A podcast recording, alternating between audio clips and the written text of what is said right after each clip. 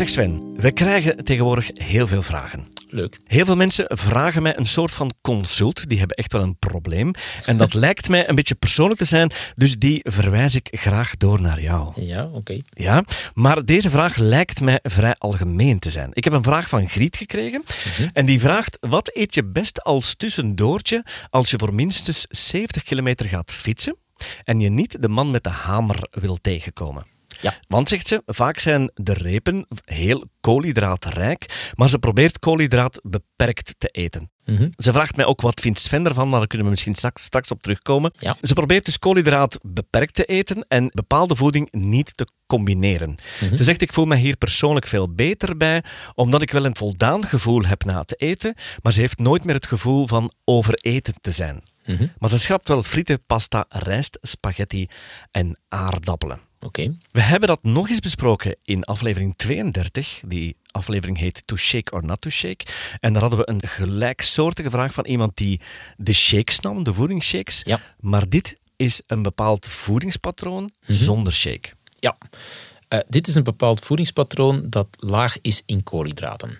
En dat ehm, heel populair is. Hè. En, en, en onder andere Pascal Nasus, om het dan zo te noemen, eh, doet dat, is, is er al jaren mee bezig. En heel veel mensen voelen zich daar enorm goed bij. Eh, veel meer energie, gewichtsverlies, die zaken allemaal.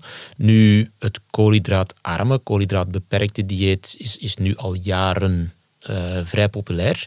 Maar wat ik daar hoor is van dat deze dame toch ook wel gaat sporten. 70 kilometer minstens. 70 kilometer minstens fietsen, dus dat is al wel iets. Hè? Ehm, en dat ze dan daar eh, met de vraag zit van ja, wat moet ik eten of drinken om de man met de hamer niet tegen te komen? En daar zit me wel vaak een probleem. Dus, want want dat, dat komt wel meer voor. Ik heb wel meer mensen die dat koolhydraatarm of koolhydraatbeperkt gaan, gaan eten omwille van gezondheidsredenen, maar vooral omwille van gewicht. Hè? En, en dat zijn ook mensen die vrij veel sport doen en dan nu naar de zomermaanden zeggen van ah, ik wil, eh, wil, wil binnen twee maanden Mont Ventoux gaan oprijden eh, en elke kilo dat ik te veel weeg is een kilo te veel om ergens bergop te rijden, om, om te gaan fietsen. Dus ik moet afvallen. Het, het makkelijkste om af te vallen, we gaan koolhydraten weglaten, want koolhydraten zijn de grote boosdoener dan, zo Ja, gezegd, eh, in, ons, in ons overgewicht. Dus we gaan koolhydraten weglaten, dan ga ik wel afvallen. Maar ze willen dan ook nog presteren. Ze willen dan nog sportprestaties gaan neerzetten. En daar wringt het hem dan net, eh, om het dan eventjes op zijn Belgisch te zeggen. Hè, dus, dus je moet weten, het gaat het een of het andere zijn. Of ja, nee, niet het een of het andere, maar, maar je moet wel een klein beetje weten wat je doet. Want enerzijds zeg je van, ja kijk, goed, ik wil afvallen. Ja? En afvallen lukt, dat hebben we al gezegd, afvallen is altijd minder calorieën binnenkrijgen dan dat we verbruiken. Heel veel mensen die heel weinig sporten, heel weinig fysieke activiteit doen, die kunnen best koolhydraten minderen. Waarom? Omdat het de koolhydraten zijn die dat we verbranden wanneer we fysieke activiteit doen. Als je geen fysieke activiteit doet, kan je koolhydraten een stuk minderen. En dan merken mensen van, ah, ik kom een stuk langer toe met mijn energie, omdat die bloedsuikerspiegel veel stabieler blijft. En heel vaak gaat dan ook het gewicht naar beneden, omdat die vetverbranding beter is. Nu, als je fysieke activiteit gaat doen, zoals deze dame, die gaat fietsen, wat verbruik je dan als brandstof? Dat is koolhydraat. En wat gebeurt er als het koolhydraat op is? Dan komen we de man met de hamer tegen. Waarom? We kunnen maar maximum 4, 5, 600 gram koolhydraten opslaan in ons lichaam als brandstof. En dat is maar voldoende om anderhalf uur, twee uur aan een fatsoenlijke, intensieve intensiteit te sporten. Dan is dat op. Als het op is, dan komt die man met de hamer. Dus dat is dat lege gevoel dat we dan krijgen in onze benen, in onze spieren, maar ook in ons hoofd. Dan begint de wereld zo helemaal rond te draaien. Dan stoppen we al bibberend aan de cola-automaat en dan proberen we daar eventjes snelle suikers om toch nog thuis te geraken. Dat is, dat is dat, dat hetgeen dat er dan gebeurt. En daar zit dan vaak de fout. Men wil alle twee. Men zegt van, ah, ik wil afvallen, dus ik ga koolhydraten vermijden, maar ik wil ook nog sporten, want ik wil in conditie zijn voor mijn sportprestaties. Als je intensief gaat sporten, heb je koolhydraten nodig. Ja. En maakt het uit welke sport je doet? Nee, dus intensief sporten, hartslag omhoog, of dat dat nu lopen, roeien, nu vooral de duursporten. Bij de Ik duursporten, zeggen, ja. ja, dus bij de duursporten, bij, als we cardio gaan doen, dan hebben we vooral koolhydraten nodig. Dus deze dame gaat 70 kilometer fietsen. Ja, dat is toch al twee uur en een half of iets langer. Dan hebben we koolhydraten nodig. En dat wil zeggen dat zij voordat haar sportinspanning gaat, gaat leveren, dat ze best koolhydraten gaat eten of gaat drinken. Mhm. En dat ze tijdens de sportinspanning, als die vrij lang duurt, ook nog koolhydraten extra gaat eten of gaat drinken. Want anders is het vrij snel op en dan komt dus die man met de hamer daar. Als ik haar hoor zeggen, ik doe Pascal Nasen, dat wil zeggen van oké, ik eet eigenlijk s morgens, middags, avonds zo goed als geen koolhydraten, dan gaat zij vrij laag zijn in koolhydraten. Dus ze kan, ze kan vijf, laten we zeggen even makkelijk, ze kan 500 gram koolhydraten opslaan. Voldoende dus om anderhalf uur, twee uur intensief te sporten. Zij gaat haar sportinspanning beginnen helemaal leeg, of, of toch een, een, een minimum. Waardoor dat in plaats van na twee uur de man met de hamer te komen, ja, al na een half uur de man met de hamer komt.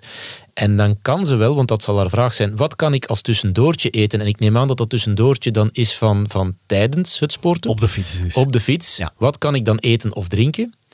Wel koolhydraten. Het enige probleem is dat de meeste zaken die in je drinkbus zitten, dus je kan, hè, je kan koolhydraten, dus dat zijn de energiedranken, de doorslessers, die zaken in die drinkbus. Ja. Je kan gelletjes en repen, want zij vermeldt dus van, ah ja, ik, ik kan wel een, een, een, een reep, maar daar zitten koolhydraten in. Ja, dat is ook de bedoeling, want dan heb je ze nodig. Alleen normaal gezien in een normale drinkbus zit ongeveer 30, 40 gram koolhydraten op een halve liter. In een gelletje of in een reep zit ook maar iets van een 25 à 30 gram koolhydraten op een gelletje. En wanneer men echt intensief gaat sporten, dan gaat men nu naar 100 à 120 gram koolhydraten per uur.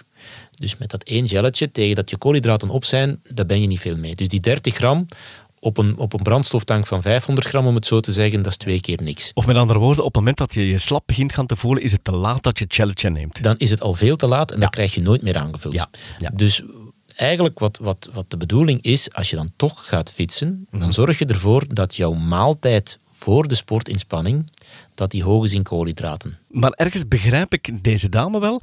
Want als je naar onze vorige afleveringen hebt geluisterd, vooral die met de keto-ervaringen, dan is het uitdagend om in ketose te geraken. Dat kan Ja. voor sommige mensen twee, drie dagen duren. Dus ik begrijp wel dat ze ergens die ketose willen bewaren en zeggen van ik probeer het echt te, te skippen.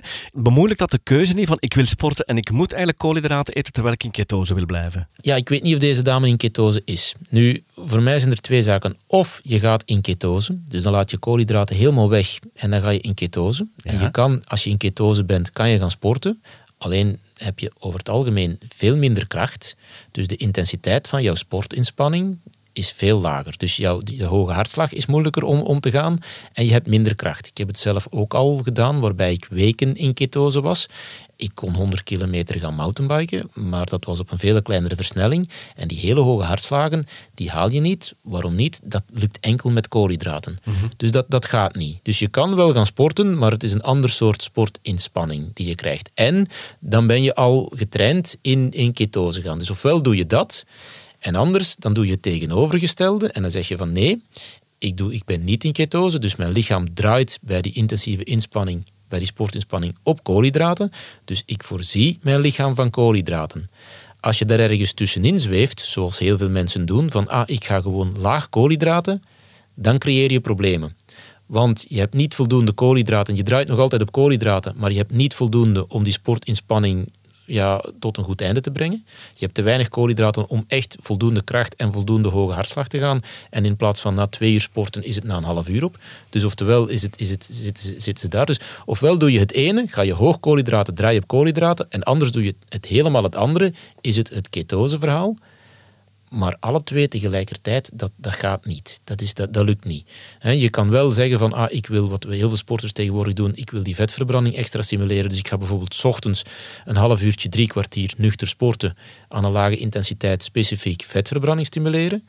Om dan nadien bij andere sportinspanningen zeggen van, ja, nu is het echt trainen, nu is het niet vetverbranding stimuleren, nu is het echt trainen. Ja, dan gaat men wel koolhydraten eten en drinken.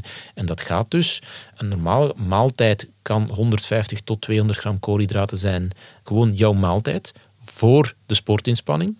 En die 150 à 200 gram is nog altijd maar ongeveer de helft of iets minder dan de helft van wat een lichaam kan op, opslaan.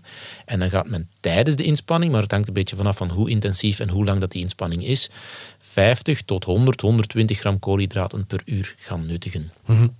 Dus de moraal van het verhaal is niet zo'n fijne boodschap, vind ik.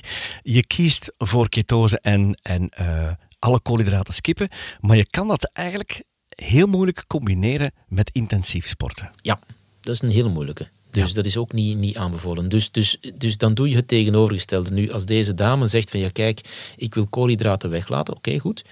Je gaat je koolhydraten, hè, dus, dus wat ik dan altijd voorstel van kijk, je wil je, jouw intensieve sportinspanning doen. Je wilt dat tot een goed einde brengen. Je wil, je wil een berg op fietsen. Je wil je training fatsoenlijk doen. Je wil met, met vrienden gaan fietsen. Hè, en, en je wil niet, niet, niet achterblijven omdat je niet voldoende kracht hebt, omdat je de man met de hamer bent tegengekomen.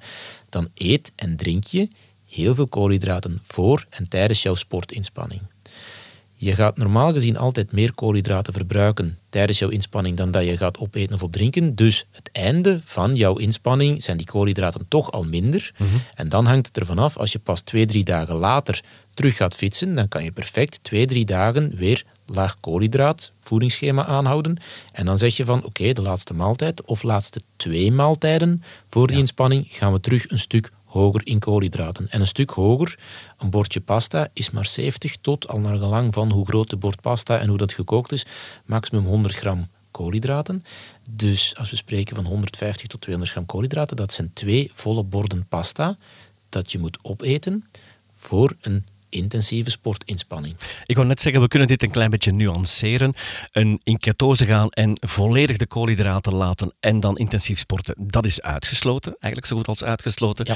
Maar ik vermoed uit, als ik de mail nog even doorlees, dat zij de koolhydraten wil beperken. Dus Ja. zij eet koolhydraatarm. Ja. Maar het advies dat je geeft is eigenlijk, als je intensief gaat sporten, dan heb je die koolhydraten nodig en moet je even bijtanken en zorgen dat jouw lichaam niet leeg loopt. Of dat je Ja. spieren niet helemaal Ja. leeg gevreten worden. Ja, dus je moet er eerst voor zorgen dat jouw spieren al vol zijn. Dat doe je dus de laatste 1 à 2 maaltijden Ja. voor jouw sportinspanning. En dan ga je tijdens die sportinspanning, als dat langer dan een uur, anderhalf uur duurt, ga je ook nog extra koolhydraten eten of drinken. Ja. En dan kan je die sportinspanning tot een goed einde brengen. En dan kan je nadien, de rest van de dag, als je bijvoorbeeld in de voormiddag gesport hebt, terug laag koolhydraten gaan. De dag nadien ook nog altijd laag koolhydraten gaan. En op het moment dat het weer nodig is, ga je weer terug hoog koolhydraten. Je kan niet met een snelle wagen gaan racen als je weinig benzine wil verbruiken. Nee, inderdaad. dat dus kan dat niet, is zo. En hoe groter de motor, hoe meer benzine dat hij verbruikt ook. Voilà. En ik denk dat we hiermee een uitgebreid antwoord hebben gegeven op de vraag van Griet. Maar Sven, je zei me daar straks tijdens de voorbereidingen, toen we alle mails aan het doorlopen waren, dat het een gelijkaardig verhaal is voor een andere vraag. Dus het antwoord is hetzelfde. Valerie die stelt ons de vraag en die zegt, wat zijn de oorzaken van insulineresistentie? Hoe kan je het voorkomen en hoe kan je het behandelen aan de hand van voeding? En dat is een gelijkaardig antwoord, zei je. Eh, wel een gelijkaardig antwoord in die zin dat het ook weer over koolhydraten gaat. Ehm, hier is het bij, bij de sportinspanning hebben we daarnet gezegd van kijk, we hebben koolhydraten nodig. Want hè, die gaan we verbranden tijdens die sportinspanning. En op die moment maakt het ook niet uit welke koolhydraten. Dus bijvoorbeeld de gelletjes en de dranken, dat zijn allemaal snelle koolhydraten. Ja. En snelle koolhydraten, daar hebben we altijd van gezegd, ja, dat is niet zo gezond, dat is niet zo goed. Nu, tijdens een sportinspanning maakt dat niet uit. Waarom niet? Omdat die gewoon meteen verbrand worden. Dus een snel koolhydraat tijdens een sportinspanning wordt meteen verbrand. Een snel koolhydraat buiten de sportinspanning, hè, zoals nu, Luc, wij zitten hier gewoon te zitten al een hele tijd, dus wij sporten niet. Onze hartslag is normaal gezien laag en we zouden normaal nu vet moeten verbranden. Wat gebeurt er als we nu bijvoorbeeld die energiedrank of die gel zouden nemen? Dan komt er heel veel koolhydraat heel snel in ons bloed terecht. En dan gaat onze bloedsuikerspiegel stijgen. Onze bloedsuikerspiegel is gewoon dat koolhydraat dat dus heel snel door onze darm in ons bloed terechtkomt. Het gevolg op die hoeveelheid suiker, die hoeveelheid koolhydraat dat in ons bloed komt, is dat ons lichaam heel veel insuline gaat aanmaken. Want insuline hebben we nodig om het koolhydraat in de cel te krijgen. Dus we hebben insuline, dat is een hormoon, we hebben insuline nodig om ons koolhydraat in de cel te krijgen. En dan gaat er in de cel gaat daar energie van gemaakt worden. Dus tijdens die sportinspanning hebben we energie nodig. Die energie komt op dit, in, in dat geval van, van het koolhydraat. Dus dat koolhydraat moet in de cel gaan, dan wordt er energie van gemaakt. Daar hebben we insuline voor nodig. Wat gebeurt er nu als we altijd heel veel koolhydraat, heel veel suiker in ons bloed hebben, dat noemt dan een hoge bloedsuikerspiegel, dan wordt er zoveel insuline aangemaakt dat wij die receptoren voor de insuline die op die cel zitten gaan stuk maken. En dan krijg je insulineresistentie. Dus ofwel we maken ze stuk en die receptoren die worden ongevoelig voor die insuline. En wat er dan gebeurt is, we eten of drinken dat koolhydraat, er wordt insuline geproduceerd, maar die receptoren reageren niet meer. Dus de koolhydraat kan niet meer in de cel. En dan kan er ook geen energie van gemaakt worden. En dan blijft dat koolhydraat, die suiker, dus in ons bloed. En dan krijgen we heel lang hoge bloedsuikerspiegel.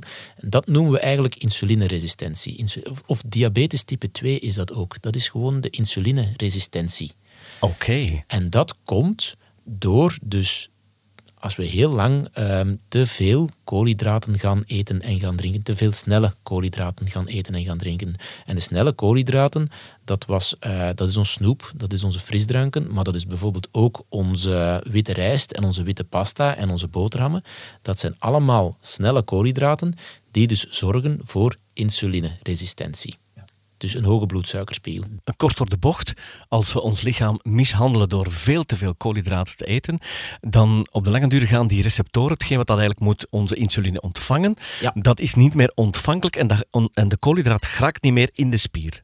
Eh, in de cel. Ja. In de cel, in ja, de cel. de koolhydraat niet meer in de cel, blijft dus rondzwemmen in ons bloed, om het dan zo te zeggen. En dan is onze bloedsuikerspiegel te hoog en dat is gevaarlijk. En de gevolgen kunnen zijn Dus diabetes. ja, dat noemen we diabetes type 2. Wat zijn andere gevolgen daar nog van? Ja, dus dat is, dat is niet goed, dat is niet gezond. Ja, heel veel mensen, je krijgt een tekort aan energie. Dus, dus je hebt het koolhydraat nodig, moet in de cel om energie van te maken. Dus je eet je koolhydraat wel op, je drinkt je koolhydraat wel, maar er kan geen energie van gemaakt worden. Dat, en we weten allemaal die, dat diabetes type 2 dat dat gevaarlijk is. Hè, Ja. Mhm. Want dat kan een hele hoop eh, ellende in het lichaam veroorzaken. Dus een hele hoop ontstekingen eh, die dat daarvan kunnen gaan. En je kan dus, dat gaat dat zelfs tot, tot amputaties en zo van die zaken allemaal. Ja, hè. en Dus, al eh, die organen in ons lichaam die werken tegen 300 per uur om dat dan er weer allemaal uit te krijgen. Maar het heeft geen effect meer dat we die energie opeten, want het geraakt niet meer op de plaats waar het Nee, moet je zijn. gaat dus altijd meer en meer. Dus je gaat zien, dus omdat dat koolhydraat er niet meer in kan, is voor het minste, dus de kleinste hoeveelheid koolhydraat dat je eet of drinkt, is jouw bloedsuikerspiegel al hoger. Gaat Eh, omhoog, om- ja, ja. gaat omhoog, omdat dus dat koolhydraat er niet meer in geraakt.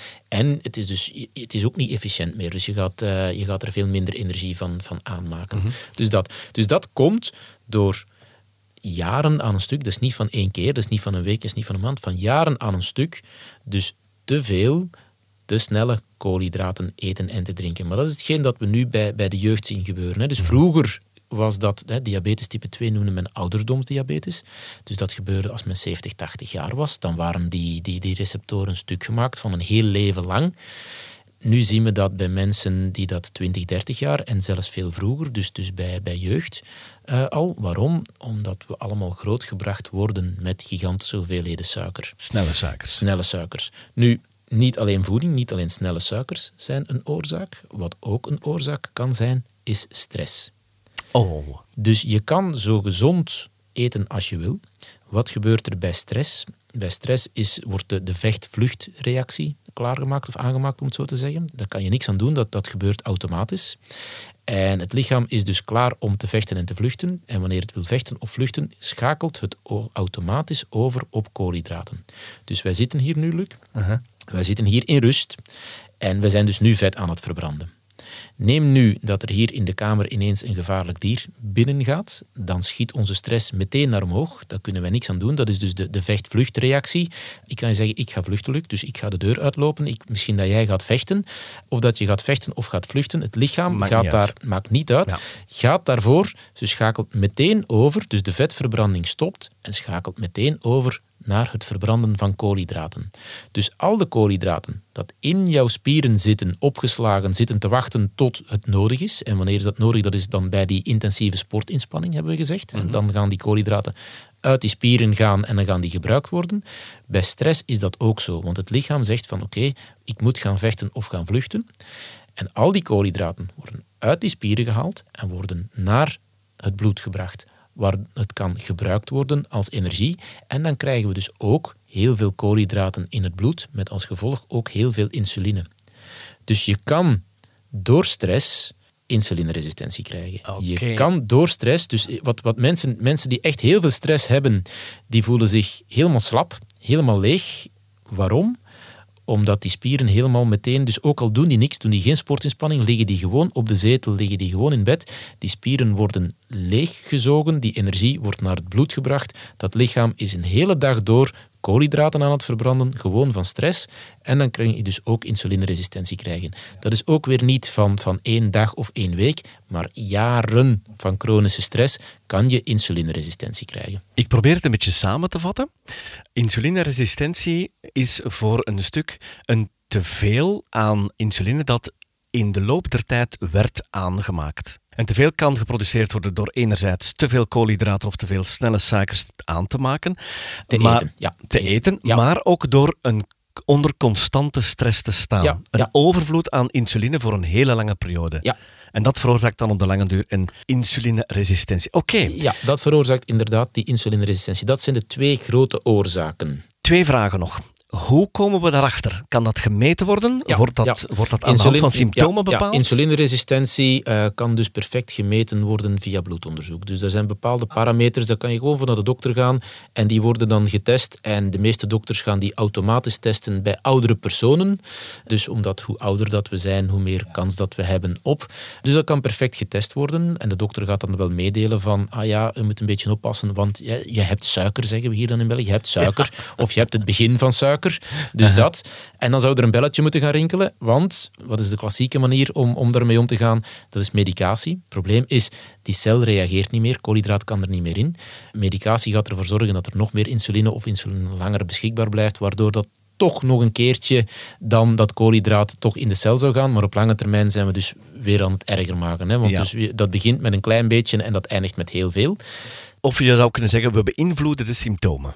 Eh, ja, hetgeen dat we nu hebben, de hoeveelheid dat we nu hebben, het was te veel, maar het, dus ons lichaam is resistent geworden, het werkt niet meer. We gaan zorgen voor nog meer. Ja, ja, ja. Dus, dus op, op korte termijn oké, lange termijn liever niet. Eigenlijk zou er levensstijl moeten aangepast Ik wou net worden. zeggen, dit is een podcast over voeding. We eindigen altijd met een, hoe klein of hoe groot de oplossing ook zou kunnen zijn, met een oplossing die door voeding gegenereerd wordt en niet door medicijnen. Nee, het goede nieuws is dat die receptoren zichzelf terug kunnen repareren. Dus Dat is inderdaad een- goed je- nieuws. Je, kan Ja. die gevoeligheid van die receptoren terug gaan verhogen. Je kan die receptoren terug gaan herstellen.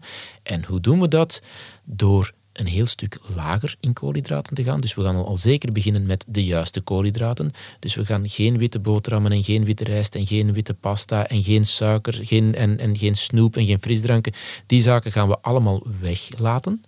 Wat gaan we nog doen? Wanneer we koolhydraten eten, gaan we die altijd combineren met voldoende groenten en voldoende gezonde eiwitten en vetten. Weet je nog, eh, Luc? Dus- Absoluut. dus dat. Wat gaan we nog doen? We gaan proberen van te bewegen en te sporten. Want als we bewegen en sporten, gaan we koolhydraten verbruiken.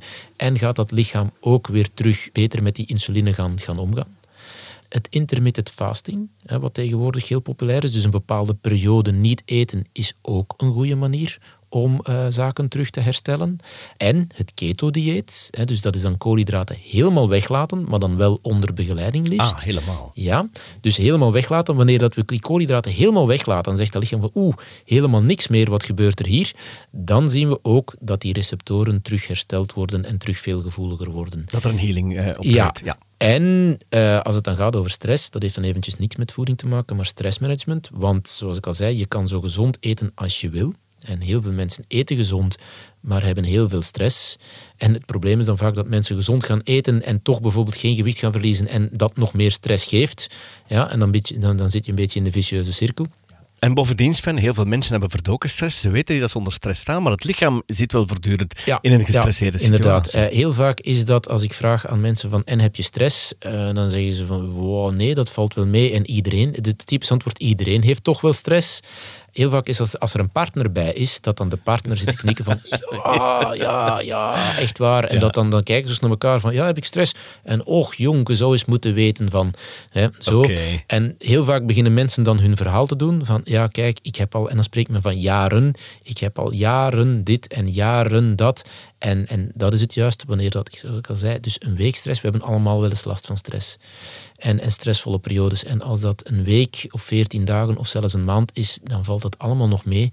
Maar wanneer dat, dat jaren aan een stuk is, ja, en dat hoeft daarvoor niet gigantisch hoog hoog te zijn, wanneer dat iets chronisch is, dan gaan dingen stuk. Dus ja, Valerie, je kan aan de hand van voeding dit voorkomen of in ieder geval behandelen en verbeteren. Ja, dat kan terug een heel stuk verbeterd worden door voeding en levensstijl. Dus terug gaan sporten. Uh, bijvoorbeeld ook na een maaltijd bewegen. Dus niet na een maaltijd in de zetel gaan zitten, maar bijvoorbeeld gaan wandelen of gaan fietsen. Zorgt er ook voor um, dat bloedsuikerspiegels veel minder hoog zijn. Dus um, vandaar. Dus koolhydraatarm eten. De juiste koolhydraten eten altijd in combinatie met gezonde vetten, vezels, eiwitten. Die zaken, eventueel intermittent fasting. En intermittent fasting hoeft ervoor niet meteen al acht of tien uur aan een stuk maar laat het tussendoortjes dan al eens een keertje weg, dat het lichaam langere periodes zonder eten moet. Um, die zaken allemaal zijn allemaal interventies die kunnen gedaan worden, waardoor het lichaam terug beter met die suiker en die insuline overweg kan en dat symptomen gaan verbeteren. Ik wil er nog één kleine voorspelling aan toevoegen, Sven.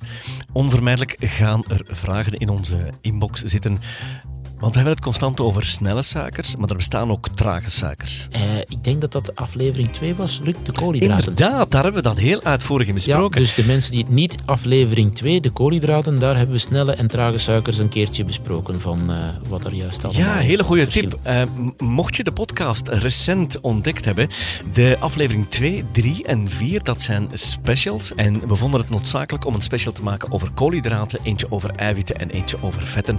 Daar worden deze zaken uitvoerig besproken. Ja. Dus als je iets over trage suikers wil weten, dan moet je absoluut de aflevering van koolhydraten nog eens beluisteren. Voilà, dat waren twee vliegen in één klap. Twee vragen die beantwoord zijn. Dat hebben we weer goed gedaan. Dankjewel Sven. Graag gedaan.